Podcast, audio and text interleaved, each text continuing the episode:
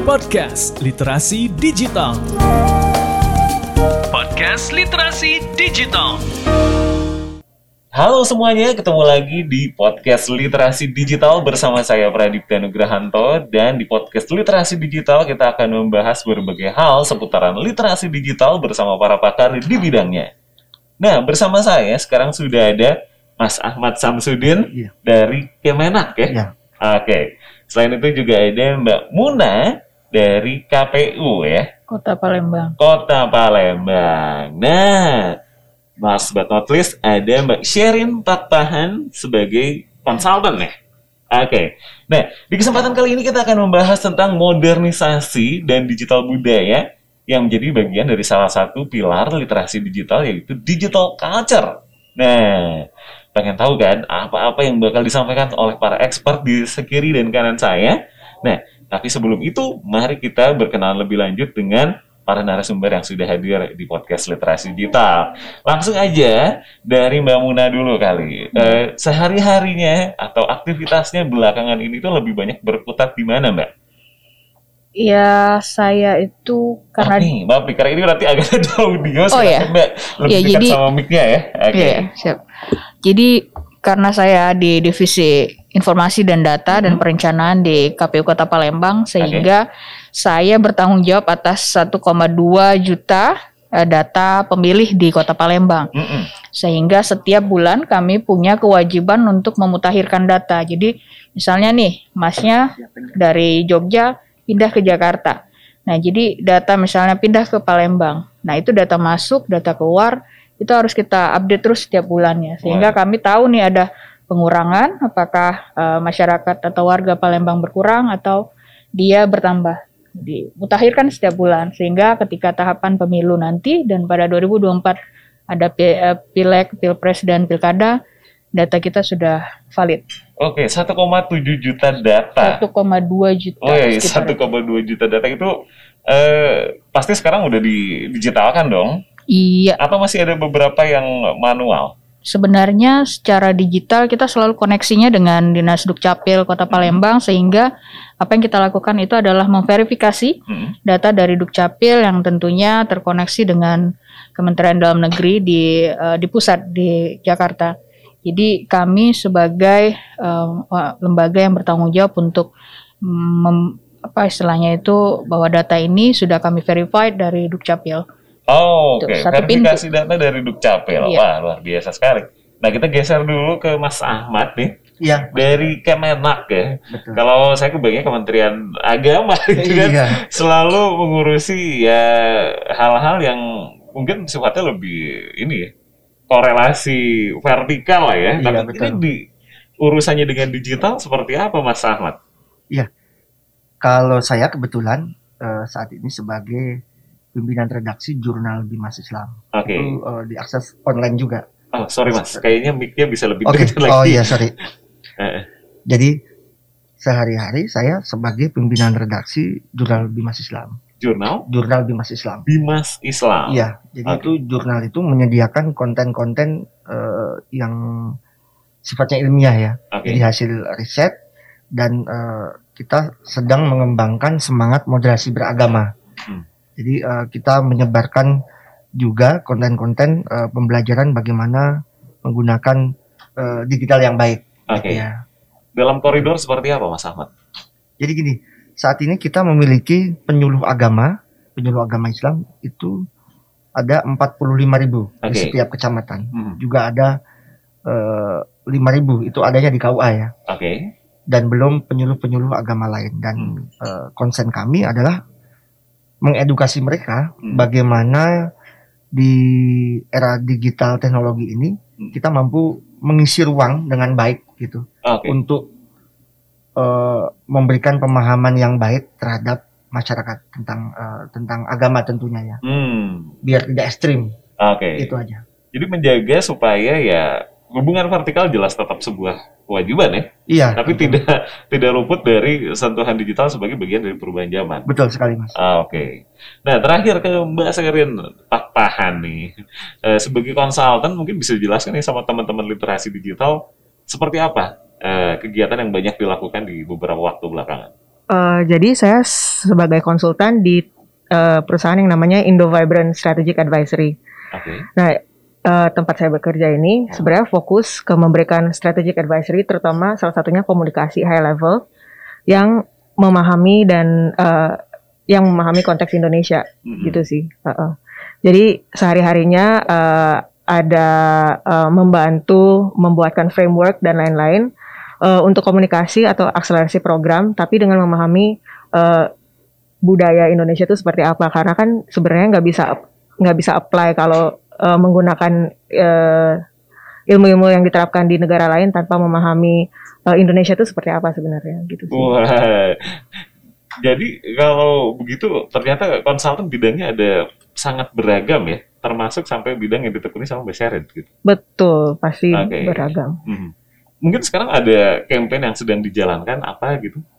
Eh, salah satu yang udah pernah dijalankan aja kali ya. Boleh. Eh, itu tol eh, sebagai konsultan di di toleransi pendidikan, Toleransi pendidikan. toleransi dalam pendidikan. Wah itu menarik sebenarnya. Tapi boleh diceritain dong seperti apa nih toleransi dalam pendidikan? Kalau toleransi dalam eh, toleransi dalam pendidikan eh, salah satu kerjaannya adalah eh, sebenarnya gimana caranya eh, apa ya meng, me- mengajak daerah-daerah gitu. Oke. Eh, Teman-teman di daerah level ya? teman-teman di daerah tapi di level eksekutif ya di di, di- Oh, di level oke. Pemdanya untuk mau mengaplikasikan eh, nilai-nilai toleransi dalam pendidikan karena kan sebenarnya tiap daerah juga berbeda eh, cara mereka mengajarnya dan cara mereka eh, menerima eh, nilai-nilai toleransi itu kan harus dalam konteks budaya masing-masing gitu sih. Hmm, jadi lebih adaptif dengan nilai-nilai lokal tiap-tiap betul, daerah mungkin ya. betul. Karena Oh, kalau ses- sesuatu hal itu disamaratakan kan Indonesia emang beragam ya.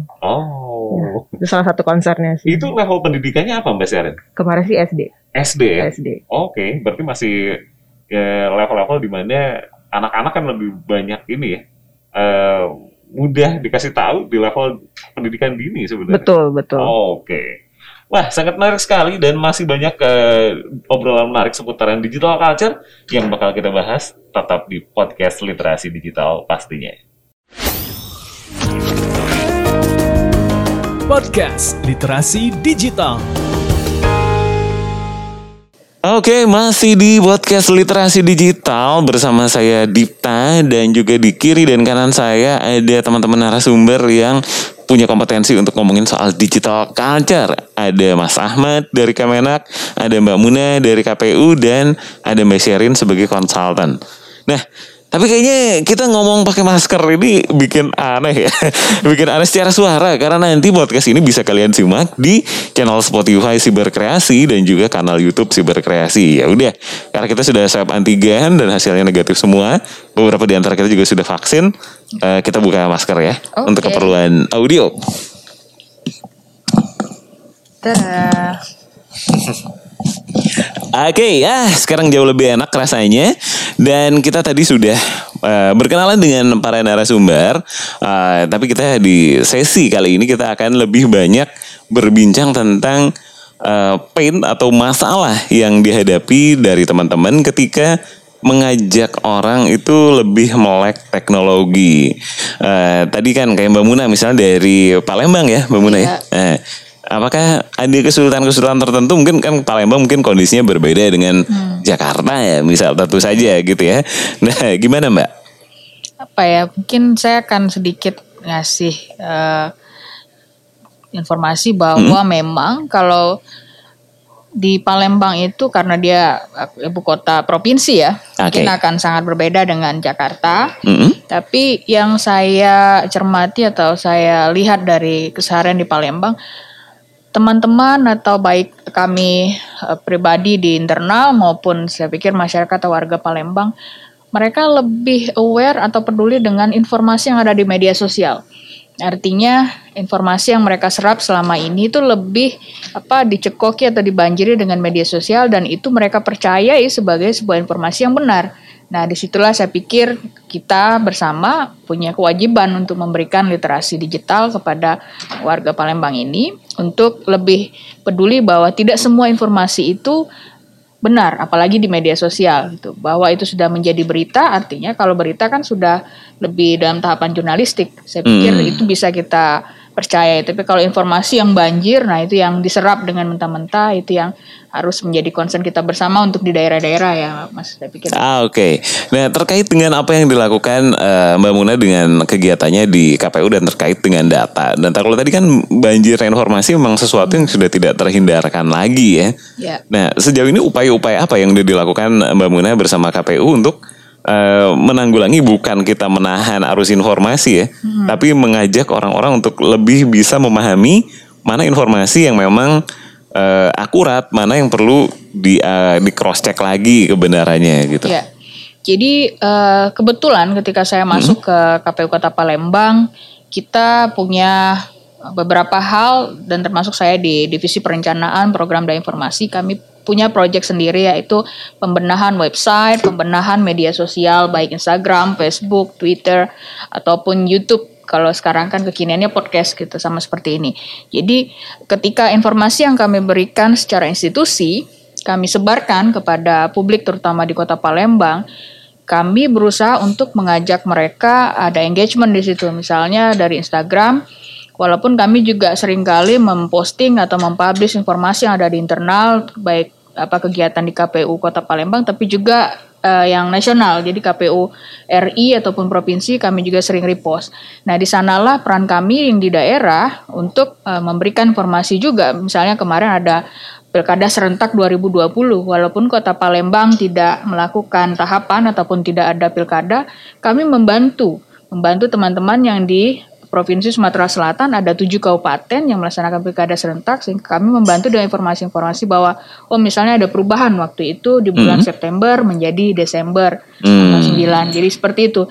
Walaupun tidak ada kegiatan kami membantu teman-teman sesama eh, KPU baik di seprovinsi Sumatera Selatan maupun di level nasional gitu. Oh, oke. Berarti ini sebagai pihak yang berada di daerah juga punya kontribusi yang tidak bisa dianggap sebelah mata kali ya untuk Iya. teman-teman yang bekerja di pusat. Nah, kita geser dulu nih ke Mas Ahmad ya. Iya.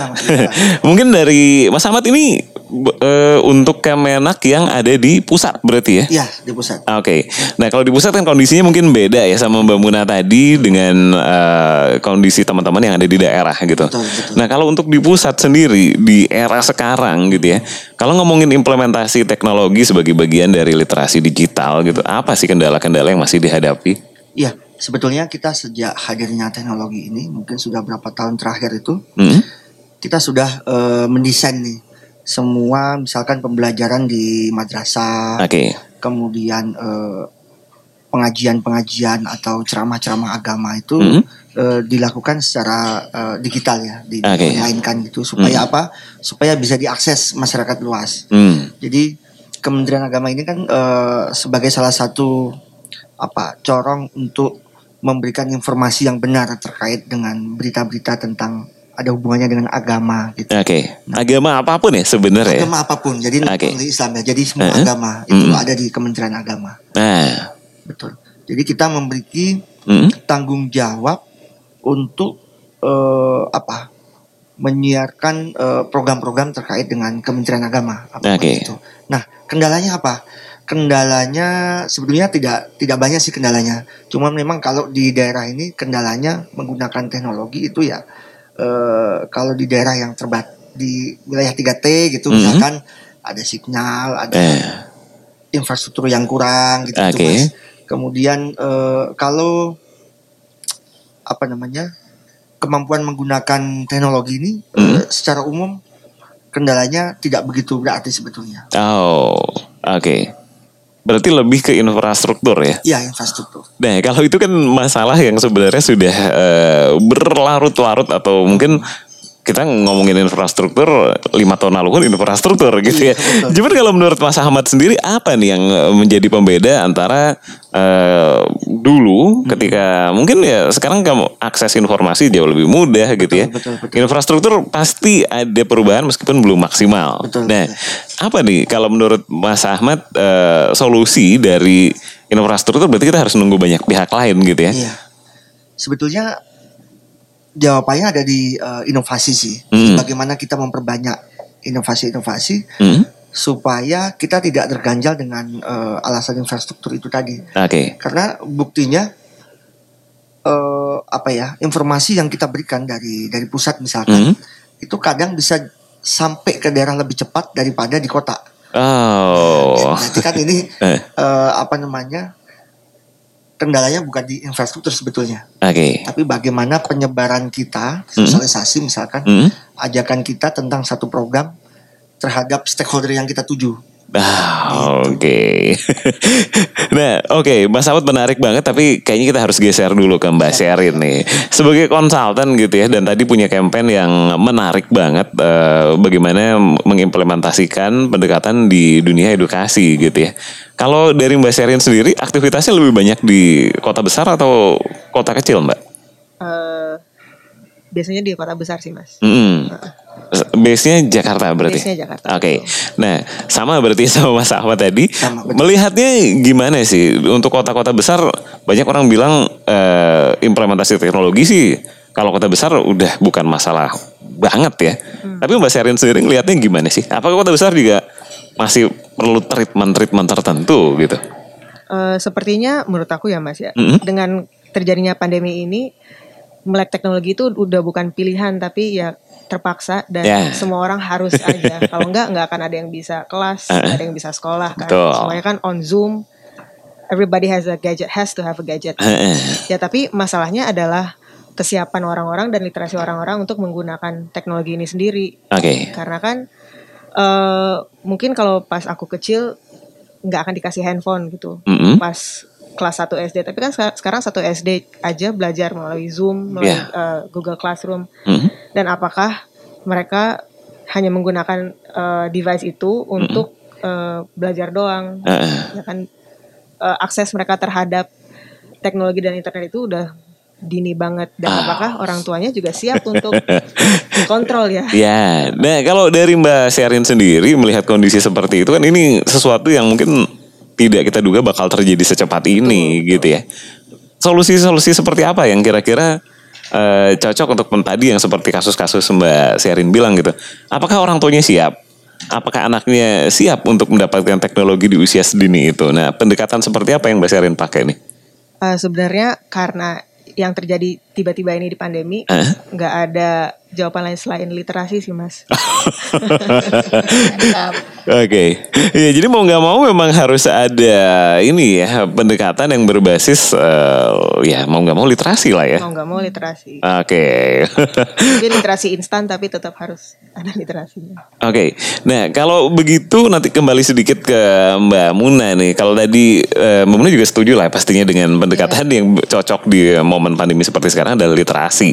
Nah, langkah seperti apa yang baiknya diambil di awal gitu kan? Ini mungkin pandeminya udah berjalan setahun. Eh, apakah eh, teman-teman yang ada di daerah seperti Palembang sudah cukup em, ada kenaikan level secara literasi dibandingkan sebelum pandemi misalnya ketika penggunaan teknologi juga belum semasif sekarang. Oke, saya pikir literasi itu tentu dalam setahun kita menghadapi pandemi sudah mengalami peningkatan, tapi apakah literasi ini dice- dicermati atau disadari oleh teman-teman secara bertanggung jawab? Nah, Itu yang paling penting karena ya banjir informasi tadi bagaimana kita mengontrolnya jika kita tidak diberikan misalnya dari secara etik kah, secara budaya kah atau secara apa safety tadi juga yang sudah disebutkan beberapa teman-teman. Saya pikir itu yang harus kita berikan terus literasi ini kepada pengguna gawai maupun kepada baik dari sejak dini. Itu tadi ketika anak-anak kecil seperti Sherin bilang sejak SD sudah sudah memegang HP tentu tidak hanya setelah kelas mereka selesai pegang itu. Nah, bagaimana kontrol kita mungkin sebagai orang yang lebih tua kepada anak-anak itu untuk jangan membuka yang lain setelah, setelah kelas tadi kan. Sedangkan kita oh sudah karena itu adalah reward mereka untuk belajar secara daring gitu. oh, oke. Jadi mungkin bisa pakai sistem reward kali ya. Iya. Sudah menyelesaikan satu tugas atau satu pembelajaran daring gitu ya. Kalian boleh mengakses eh, dengan pengawasan tentunya. Tentu. eh, layanan-layanan yang sifatnya hiburan atau ya semacam itu kali ya. Ya. Hmm, Oke, wah menarik banget obrolan seputar literasi digital khususnya digital culture bersama para expert dari berbagai institusi ini. Tapi jangan ke mana-mana, kita akan lebih lanjut membahas tetap di podcast literasi digital. Podcast Literasi Digital. Oke, masih di podcast literasi digital bersama saya Dipta dan tentunya bersama teman-teman dari eh, berbagai institusi yang sedang kita bahas soal digital culture. Ada Mas Ahmad, ada Mbak Syarin dan Mbak Muna. Nah, di segmen ketiga ini kita akan membahas tentang eh, masalah-masalah budaya, toleransi dan nasionalisme di era digital. Sesuatu yang sangat klasik terdengarnya tapi masih terjadi isu-isunya sampai sekarang. Nah, saya memulai dari Mas Ahmad dulu deh ya. Kalau ngomongin soal toleransi ya, ini entah kenapa gitu, pasti pikiran kita melayang ke isu-isu seputaran agama gitu. Betul. Gimana nih Mas Ahmad? Kondisinya kok seolah-olah tidak eh, apa ya terulang lagi nih masalah yang sama terjadi di beberapa waktu lalu gitu ya. Dan kayaknya kok nggak ada ujungnya nih Mas. Gimana nih Mas? Iya, Mas Dipta. Ini bener banget nih Mas Dipta. Ini PR kita bersama Hmm? sampai detik ini masih kita terus berjuang ya untuk meminimalisir eh, kekhawatiran kita. Oke. Jadi memang eh ke depan kita Hmm. harus memperkuat eh, literasi kita di digital ini. Bagaimana Hmm. kita membangun ruang digital ini sesehat mungkin, Oke. sebaik mungkin. Heeh. Tadi betul disebut eh apa namanya ada aja kaitannya dengan agama gitu. Iya kan? Karena masyarakat kita sekali ada irisan agama gitu ya langsung viral gitu ya. Eh, Nah ini PR kita. Bagaimana mendidik masyarakat kita hmm? segala apa pun informasi yang ada kaitannya dengan agama Ya. itu yang pertama jangan langsung dipercaya Oke.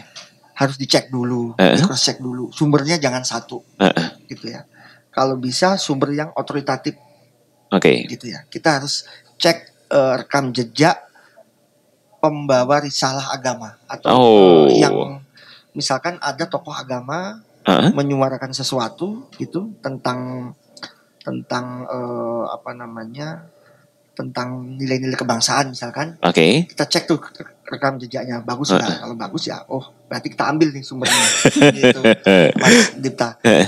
nah kita kan memiliki tanggung jawab nih Hmm? untuk eh, membangun apa ya eh, memperkuat nilai-nilai kebangsaan Oke. di ruang publik Heeh. jangan jangan sebaliknya gitu nah akhir-akhir ini banyak sekali ujaran kebencian Nah. hate speech ini kan PR kita juga nah Kementerian Agama memiliki program yang namanya moderasi beragama Oke. bukan moderasi agama ya Moderasi beragama itu Moderasi dua hal yang beda berarti dua ya. hal yang berbeda Heeh. agama sebenarnya sudah moderat banget semua agama sudah moderat cara pandang kita yang Nah, harus ini. gitu mas Berarti itu PR besarnya kali ya. yang besarnya Oke. kan kita sering lihat loh Mm-mm. eh, orang berantem di media sosial Nah. padahal di Heeh. dunia nyata misalkan teman gitu ya. Baik. tapi begitu di eh, grup BA atau di Eh, eh. Facebook gitu Heeh.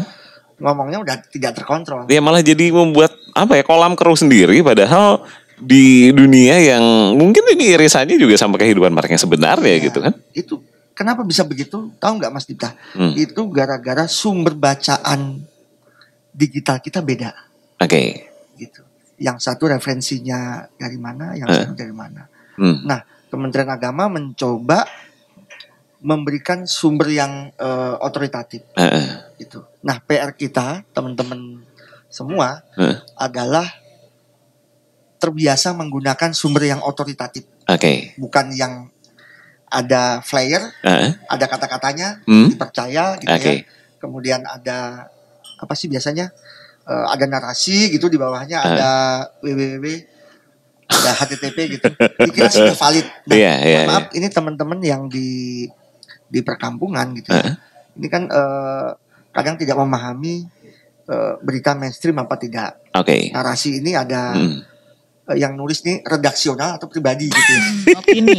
atau opini gitu. Nah, ini PR kita Mas Dipta. Oh, oke. Tapi menarik banget tadi soal toleransi. Apa eh sorry Mas, pendekatan apa tadi Mas? Moderasi beragama. moderasi beragama bukan moderasi agama itu benar-benar eh, satu ya mudah-mudahan pendekatan itu bisa ini ya me- setidaknya mengurangi tendensi apa-apa dikaitkan sama agama. agama Iya. gitu Jadi cara pandangnya mas, Ah. tidak ekstrim. Jadi beragama yang tidak berlebih-lebihan. Ah, oke. kuncinya. Menarik banget, Mas Ahmad. Nah, tapi kalau ngomongin soal toleransi, selain agama yang map sering jadi eh, batu lemparan gitu ya, tentu saja pasti urusan sama ketika udah momen-momen menjelang pemilihan umum gitu kan. Nah, dari Mbak Muna sendiri gimana melihatnya? Ini kok seolah-olah ya kita banyak melakukan eh, pendekatan-pendekatan tapi kok ujungnya terulang lagi. Nanti menjelang menjelang sekarang mungkin masih jauh ya dari pemilihan umum gitu begitu nanti masuk tahunnya bahkan kadang-kadang masih jauh pun ada yang sengaja aja melempar percikan-percikan gitu. Ya. Jadi sekali lagi memang kalau kita melihat uh, banjir informasi yang yang tanda kutip viral dan istilahnya itu membuat kita menjadi terkotak-kotak, saya pikir kita sama-sama tahu nomor pertama itu adalah konteks politik. Mm-mm. Baru kedua dan ketiga itu agama saya itu. Ya. Jadi kalau saya lihat dari literasi 2020 yang dilakukan oleh apa eh, Kemkoninfo dan data-data itu politik itu menjadi bahasan yang paling eh, utama untuk konteks-konteks informasi hoax, iya hoax dan sebagainya. Nah ini juga artinya menjadi PR kami baik secara lokal maupun nasional untuk memberikan informasi yang benar, literasi yang baik untuk masyarakat dalam konteks ini kami KPU Kota Palembang juga punya apa program-program Hmm.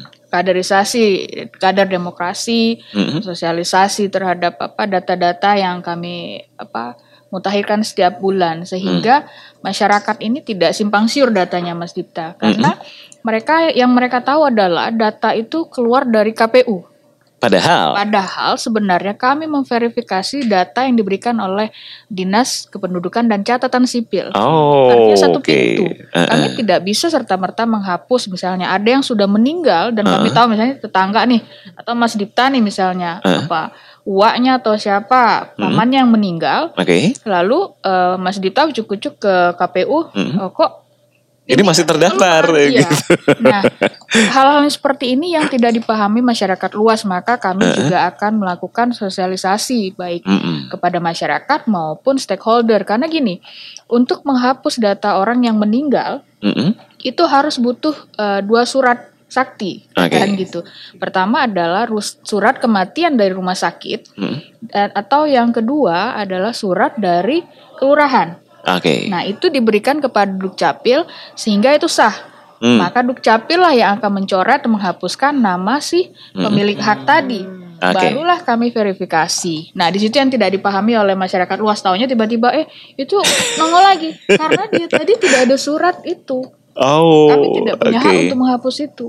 Tapi orang taunya tiba-tiba ketika ada DPT kan, eh ini keluar lagi nih. Langsung ribut. langsung heboh. Nah, informasi-informasi ini saya pikir sangat penting untuk kita apa berikan faktanya kepada masyarakat sehingga kita sama-sama pada tahapan demokrasi nanti baik di pemilu atau pilkada kita merasa eh, benar nih.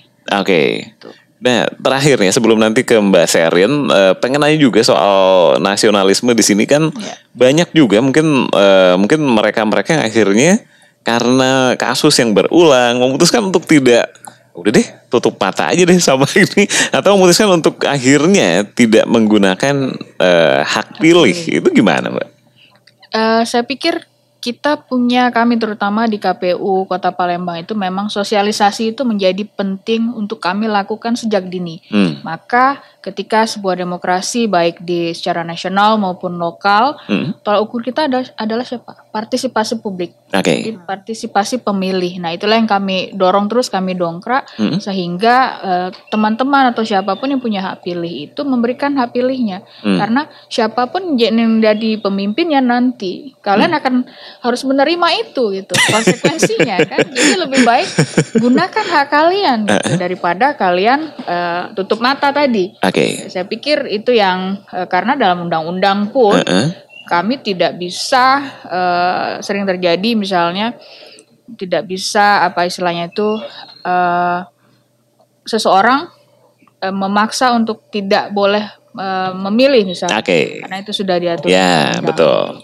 Cuman alangkah lebih baiknya Nah, gitu ya. baiknya dengan kesadaran tadi kan Oke. bahwa itu kita bertanggung jawab juga kepada Oke. hak-hak itu. Jadi silahkan Oke. gunakan hak pilih yang kalian. Dengan kesadaran bukan paksaan ya. Iya. Oke. Nah terakhir ke Mbak Serin sepertinya nih ya kalau ngomongin nasionalisme terus juga toleransi gitu ya. Eh, tadi kan kalau dilihat kayaknya eh, apa yang dilakukan Mbak Serin em, lebih banyak pendekatan ke institusi edukasi ya Mbak ya. Atau enggak juga? Enggak juga sih. Oke. Tapi ya tadi ya te- kalau dilihat dari contoh kampanye eh, pendekatan ke sekolah dulu gitu ya. Nah, sekarang tapi banyak loh maksudnya em, kebijakan-kebijakan terkait institusi edukasi yang malah menjauhkan dari nasionalisme atau toleransi tadi gimana menurut Mbak Serin itu?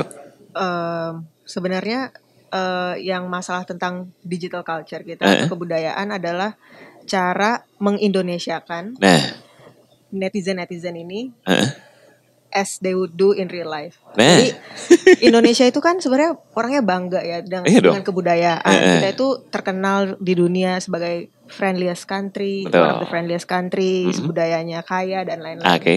Tapi tiba-tiba pas ada ada uh, survei dari Microsoft yang kemarin eh. viral, Indonesia negara yang paling buruk banget di Indonesia. gitu kan. Oke. Kenapa? Kenapa ada kejomplangan ini di Eh. uh, budaya kita online dan offline? Eh. gitu kan. Eh, gimana caranya menyatukan atau membawa budaya yang kita bawa sebagai orang Indonesia di Mm. kehidupan sehari-hari itu Mm-mm. eh, ke budaya kita sebagai netizen plus 62 Oke. online. Gitu Iya, iya. Nah tapi terus eh, kalau gitu kan berarti in- in- ini ya jadinya loh kok bertolak belakang antara apa yang dikenal orang secara ketika bertemu langsung dan Yap. apa yang disuarakan lewat dunia maya gitu. Betul, betul. Apa yang baiknya eh, atau dimulai dari mana kalau gitu? Pendekatannya soalnya tiap ada masalah misalnya gitu ya, selalu munculnya adalah ini kayak bukan Indonesia deh gitu betul. jadinya. Sebenarnya kan eh, budaya itu bukan sesuatu yang bisa diajarin sesuatu yang formal yang bisa diajarin Ah. ya. Tapi eh, gimana literasi yang diberikan itu mengajak orang-orang tuh berempati. Oh, Ingat bahwa di belakang layar itu juga manusia juga oke. siapa tahu karena saya kenekan atau apa ternyata eh, teman kita sendiri dan lain-lain sih. Oke. Gimana caranya membangun ruang publik yang sehat? Oh. Seperti kalau kita nongkrong di kafe kan nggak mungkin berantem di kafe kan. Ya, terus kenapa kalau nongkrong di dunia maya di komen Instagram harus berantem? Gitu. Dibalikin lagi ke esensi dasarnya itu empati ya. Empati. Oke, wah menarik banget insight-insight yang diberikan Mbak Serin, Mbak Muna, dan Mas Ahmad. Mudah-mudahan cukup membuka mata kalian soal literasi digital khususnya digital culture. Oke, sekian saja untuk podcast literasi digital kali ini. Jangan lupa untuk cek kanal YouTube Siberkreasi dan juga Spotify Siberkreasi di mana kalian bisa menyimak berbagai hal seputaran literasi digital yang disampaikan langsung oleh para expert di bidangnya. Saya Dipta dan juga Muna. serta ada Ahmad Samsudin. Pak Pahan. Oke, kita bertemu lagi di diskusi-diskusi menarik selanjutnya. Dan bye-bye guys. Podcast Literasi Digital. Podcast Literasi Digital.